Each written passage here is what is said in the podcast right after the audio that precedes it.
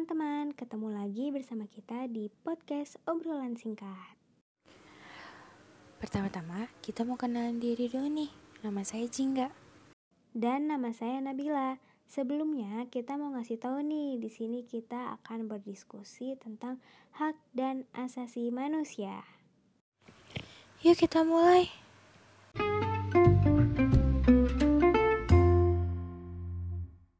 Jadi menurut Nabila, apa sih hak dan asasi manusia itu? Hak asasi manusia dapat dimaknakan sebagai hak-hak yang dimiliki seseorang karena keberadaannya sebagai manusia. Dengan kata lain, hak asasi manusia secara umum dapat diartikan sebagai hak-hak yang melekat pada diri segenap manusia sehingga mereka diakui keberadaannya tanpa membedakan seks, ras, warna kulit, bahasa, agama, politik, kewarganegaraan, kekayaan, dan kelahiran. Banyak juga kan? Nah benar tuh Bil, uh, Nabila tau nggak apa aja sih ciri-ciri dari hak asasi manusia itu sendiri? Yang saya baca dari buku PPKN, ciri-ciri hak asasi manusia itu ada empat. Yang pertama, hak asasi manusia yang bersifat hakiki. Yang kedua, hak asasi manusia yang bersifat universal. Yang ketiga, tetap atau tidak dapat dicabut. Yang terakhir, keempat, utuh atau tidak dapat dibagi. Jadi, itu ciri-ciri hak asasi manusia jingga.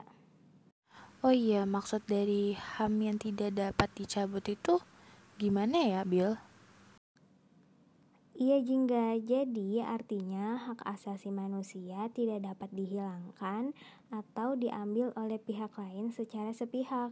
Jadi hak asasi manusia akan selalu ada sejak lahir sampai ia meninggal.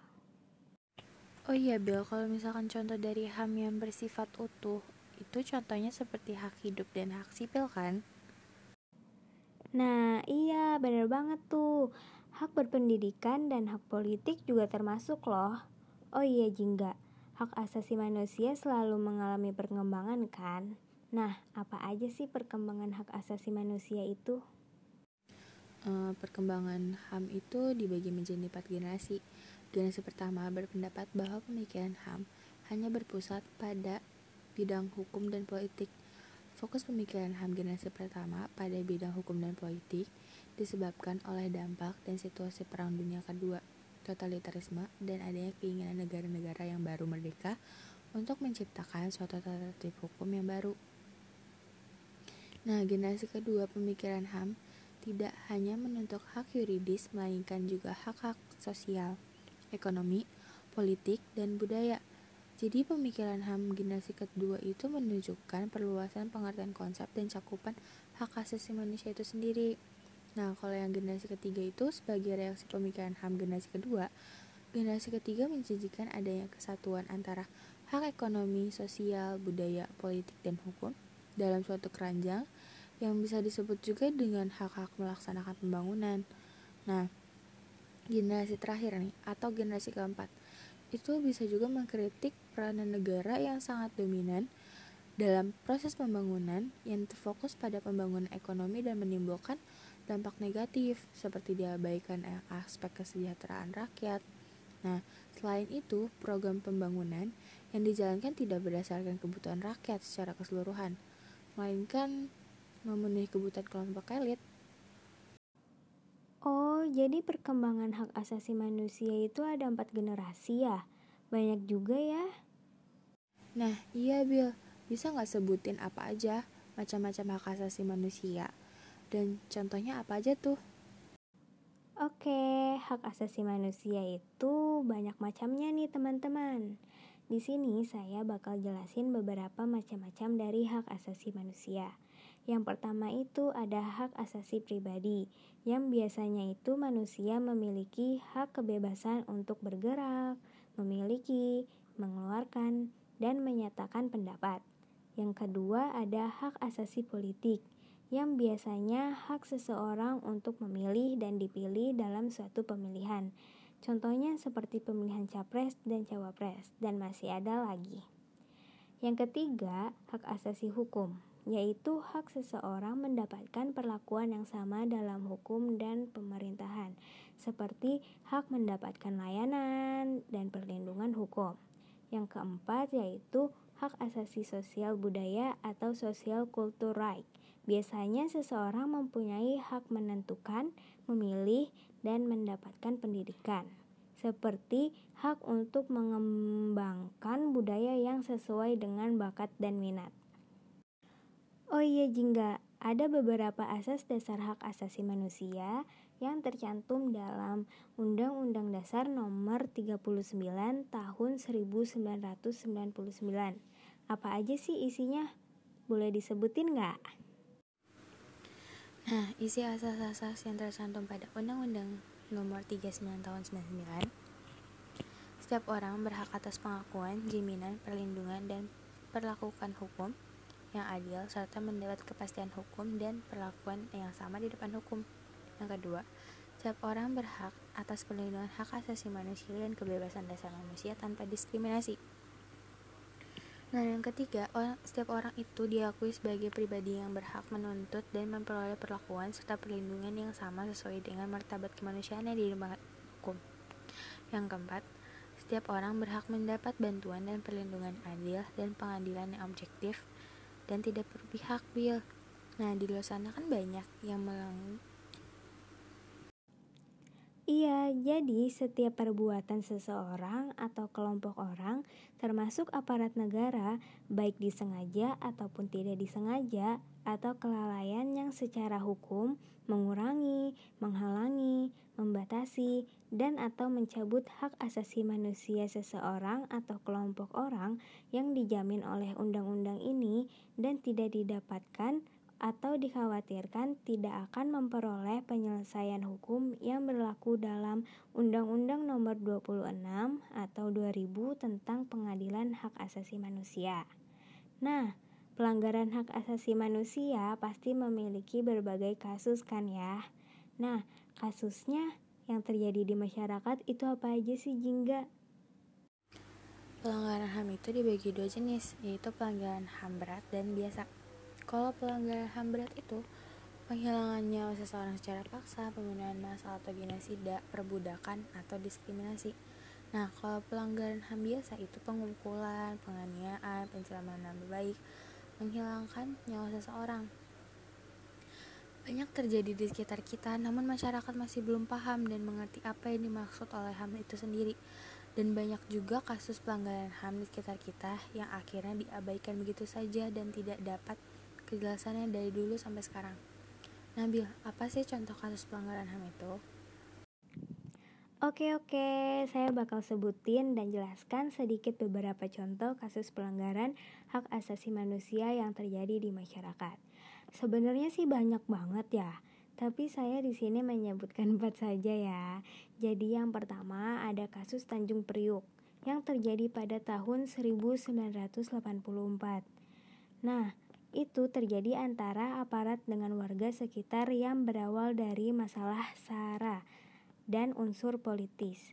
Dalam peristiwa ini diduga terjadi pelanggaran hak asasi manusia di mana terdapat ratusan korban meninggal dunia akibat kekerasan dan penembakan. Serem banget kan ya? Kita lanjut ke kasus yang kedua, yaitu kasus terbunuhnya Marsina seorang pekerja wanita di PT Catur Putra Surya Porong, Jawa Timur 1994. Marsina ini adalah salah satu korban pekerja dan aktivitas yang hak-hak pekerja di PT Catur Putra Surya Porong, Jawa Timur. Dia meninggal secara mengenaskan dan diduga menjadi korban pelanggaran hak asasi manusia yang berupa penculikan, penganiayaan, dan pembunuhan. Duh, serem-serem banget ya kasus-kasusnya. Kita lanjut deh kasus yang ketiga, yaitu peristiwa penculikan para aktivis politik pada 1998. Telah terjadi peristiwa penghilangan orang secara paksa atau penculikan terhadap para aktivis yang menurut catatan kontras ada 23 orang dengan satu orang meninggal lalu 9 orang dilepaskan, dan 13 orang lainnya masih hilang. Kasus yang keempat yaitu peristiwa Trisakti dan Semanggi pada 1998. Jadi yang pertama, tragedi Trisakti terjadi pada 12 Mei 1998 dengan empat mahasiswa meninggal dan puluhan lainnya luka-luka. Lanjut, yaitu tragedi Semanggi. Jadi tuh ini ada dua. Yang pertama itu Semanggi satu, yang kedua Semanggi dua. Jadi yang pertama itu terjadi pada 11 hingga 13 November 1998 dengan 17 orang warga sipil meninggal dan tragedi Semanggi II pada tanggal 24 September 1999 dengan satu orang mahasiswa meninggal dan 217 orang luka-luka. Wow, cukup banyak juga ya. Jadi gitu teman-teman, masih banyak lagi sih sebenarnya pelanggaran HAM yang terjadi di masyarakat. Tapi banyak banget deh kalau disebutin satu-satu. Jadi ya beberapa saja ya. Serem juga ya Bill. Iya serem kan ya. Oh iya, ngomong-ngomong kita belum ngebahas nih tentang faktor penyebab dari pelanggaran hak asasi manusia. Jadi, faktornya tuh terbagi menjadi dua, yaitu faktor internal dan eksternal. Nah, kalau dari faktor internal tuh menjelaskan bahwa faktor pelanggaran yang terjadi disebabkan karena dari diri pelaku pelanggaran. Oh, contohnya seperti keadaan psikologis pelaku yang kurang waras atau gila dan juga tidak adanya rasa empati dan kemanusiaan dalam diri pelaku gitu ya, Bill. Waduh, faktor eksternal bagaimana tuh Bill? Iya, benar banget Jingga. Ada juga nih contoh selain itu. Adanya rasa lebih mementingkan diri sendiri dibandingkan orang lain dan kepentingan umum. Terus juga timbulnya rasa kebencian dan dendam terhadap orang lain. Nah, kalau faktor eksternal tuh faktor pelanggaran yang terjadi secara berkelompok di luar individu manusia gitu. Paham kan Jingga dari maksud faktor eksternal tersebut? Paham Bill, yang pertama penyalahgunaan kekuasaan contohnya kekuasaan dalam perusahaan. Jadi eh, para pengusaha yang tidak memperdulikan hak-hak buruhnya itu jelas melanggar hak asasi manusia. Oleh karena itu, setiap penyalahgunaan kekuasaan mendorong timbulnya pelanggaran. Nah, yang kedua itu ketidaktegasan penegakan hukum nih.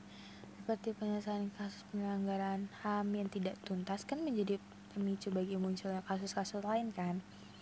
Maka para pelaku pelanggaran HAM itu tidak kayak ngerasa jerah gitu loh karena mereka tidak mendapat sanksi yang tegas atas perbuatan itu.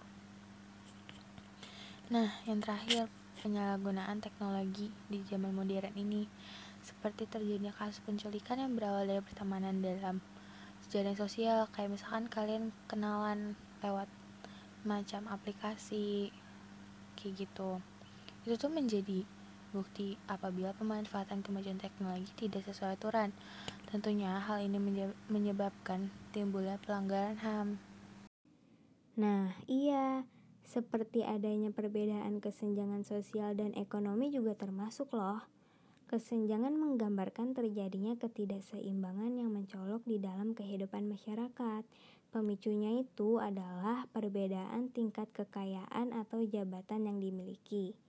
Jadi, apabila hal tersebut dibiarkan, dapat menimbulkan terjadinya pelanggaran hak asasi manusia, misalnya perbudakan, pelecehan, perampokan, bahkan pembunuhan loh. Iya, Bill, bener banget. Oh iya, Sedikit mau nambahin nih soal kasus pelanggaran HAM selain itu, dapat kita temukan pelanggaran HAM di sekitar kita menimpa anak-anak. Misalnya anak di bawah umur dipaksa untuk bekerja mencari uang untuk memenuhi kebutuhan antara lain menjadi pengamen di jalan, menjadi buruh, bahkan dieksploitasi untuk dipekerjakan yang tidak patut. Dari anak-anak itu telah kehilangan hak anak yang berupa perlindungan oleh orang tuanya keluarga, masyarakat, dan negara dari eksploitasi ekonomi dan pekerjaan. Ada juga sejumlah kasus yang melanggar hukum misalkan pencurian, penganiayaan, penggunaan narkoba, pemerkosaan, perampokan, penjabretan, dan perkelahian. Kan dari kasus pelanggaran, kita harus mempunyai langkah-langkah untuk menegakkan HAM di Indonesia. Apa aja sih bilang langkah-langkah tersebut? Oke, saya bakal sebutin nih langkah-langkah penegakan hak asasi manusia di Indonesia. Yang pertama, mengadakan langkah konkret dan sistematik dalam pengaturan hukum positif. Yang kedua, membuat peraturan perundang-undang tentang HAM. Yang ketiga, peningkatan penghayatan dan pembudayaan hak asasi manusia pada segenap elemen masyarakat. Yang keempat, mengatur mekanisme perlindungan hak asasi manusia secara terpadu. Yang kelima, memacu keberanian warga untuk melaporkan bila ada pelanggar hak asasi manusia. Yang keenam, meningkatkan hubungan dengan lembaga yang mengenai hak asasi manusia.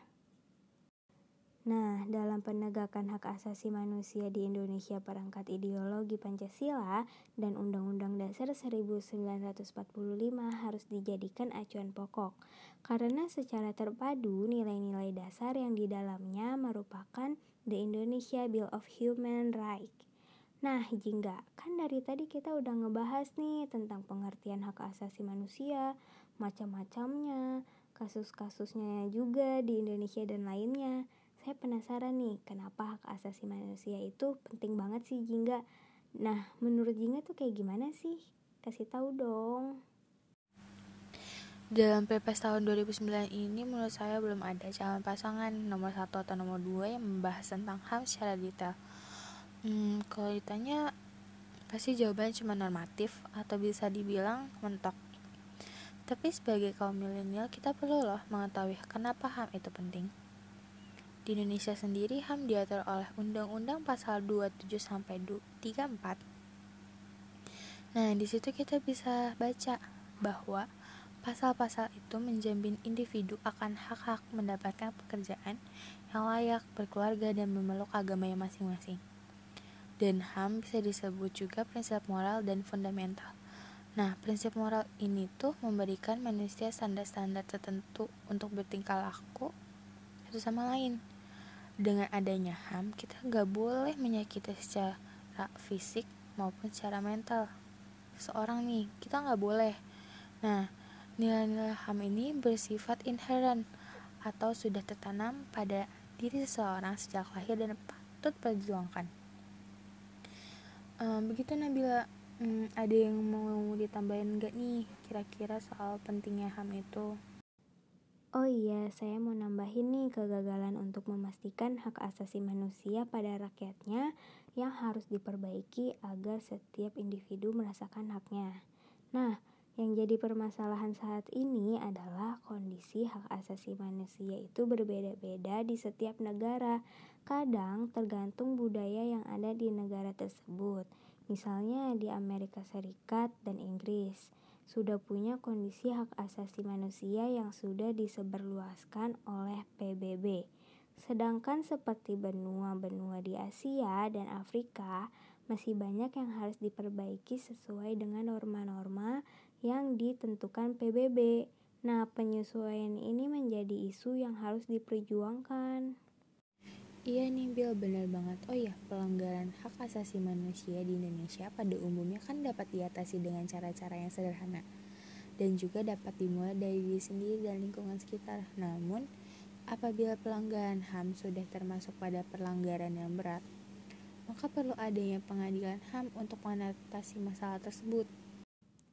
Iya jingga, cukup sederhana seperti mematuhi instrumen-instrumen hak asasi manusia, melaksanakan hak asasi manusia yang dimiliki, menghormati hak orang lain, tidak semena-mena terhadap orang lain, memahami bahwa selain memiliki hak, setiap orang juga memiliki kewajiban yang harus dijalankan, kan?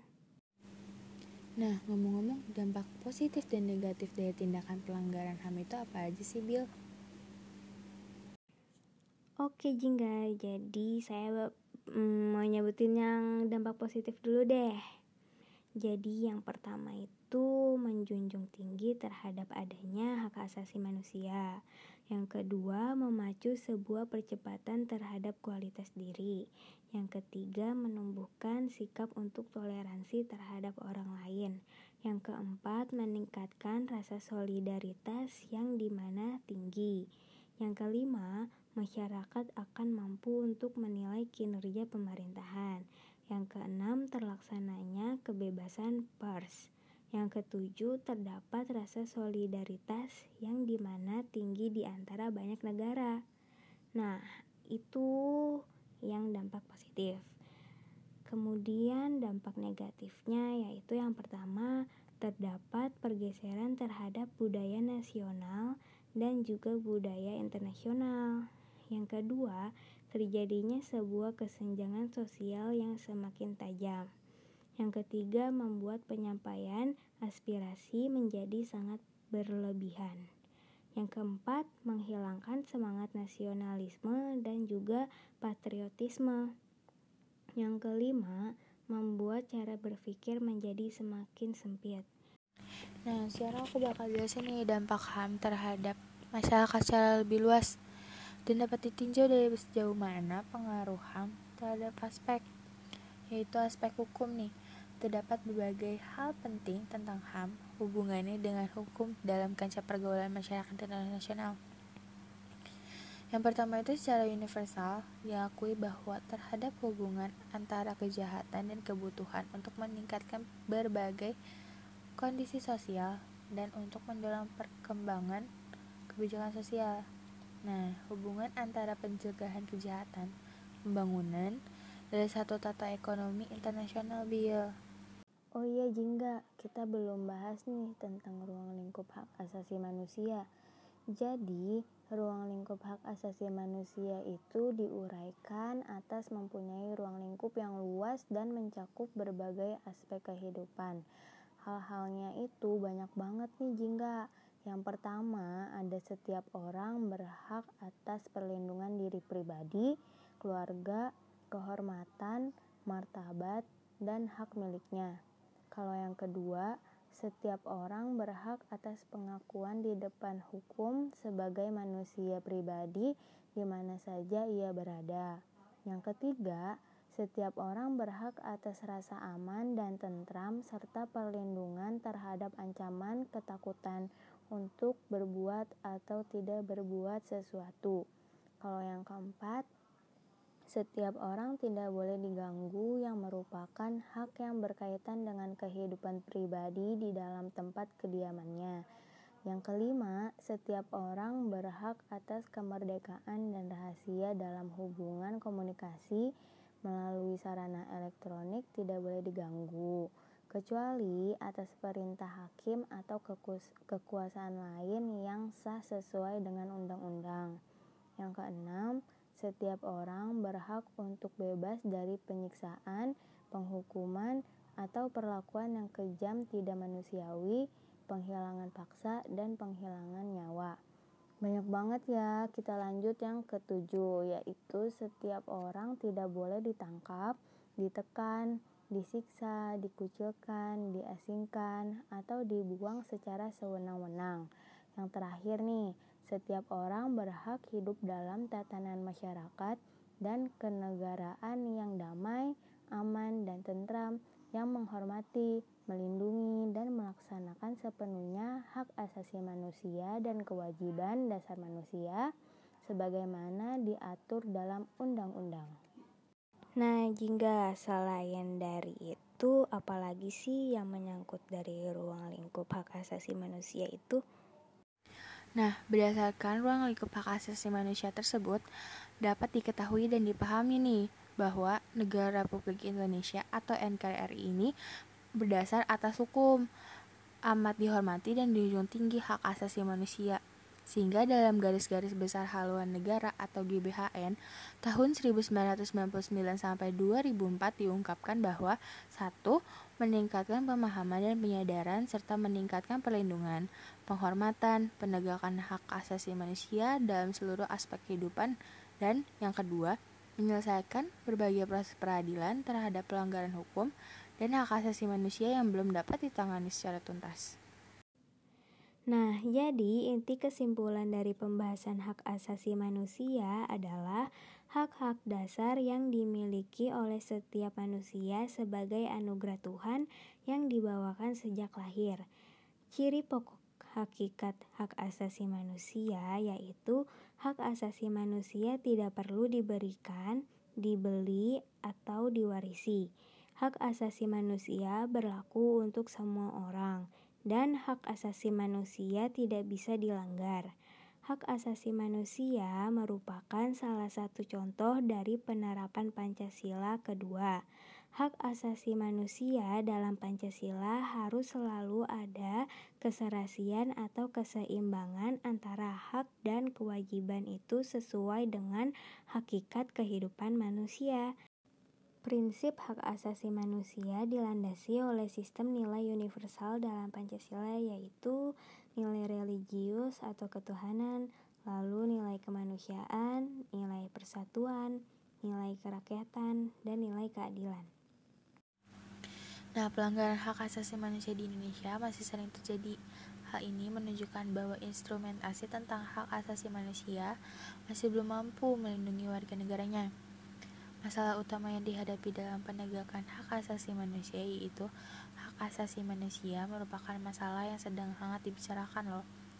Hak asasi manusia syarat dengan masalah tarik ulur antara paham universalisme dan partikularisme serta ada tiga tataran diskusi tentang hak asasi manusia, Bill. Benar jingga berikut sarannya yaitu mewujudkan hak asasi manusia dengan baik memang tidak mudah. Perlu ada usaha dari setiap individu. Yang paling utama tentu saja diperlukan adanya niat untuk memahami nilai-nilai Pancasila yang ditetapkan baik dari individu, keluarga, masyarakat, dan negara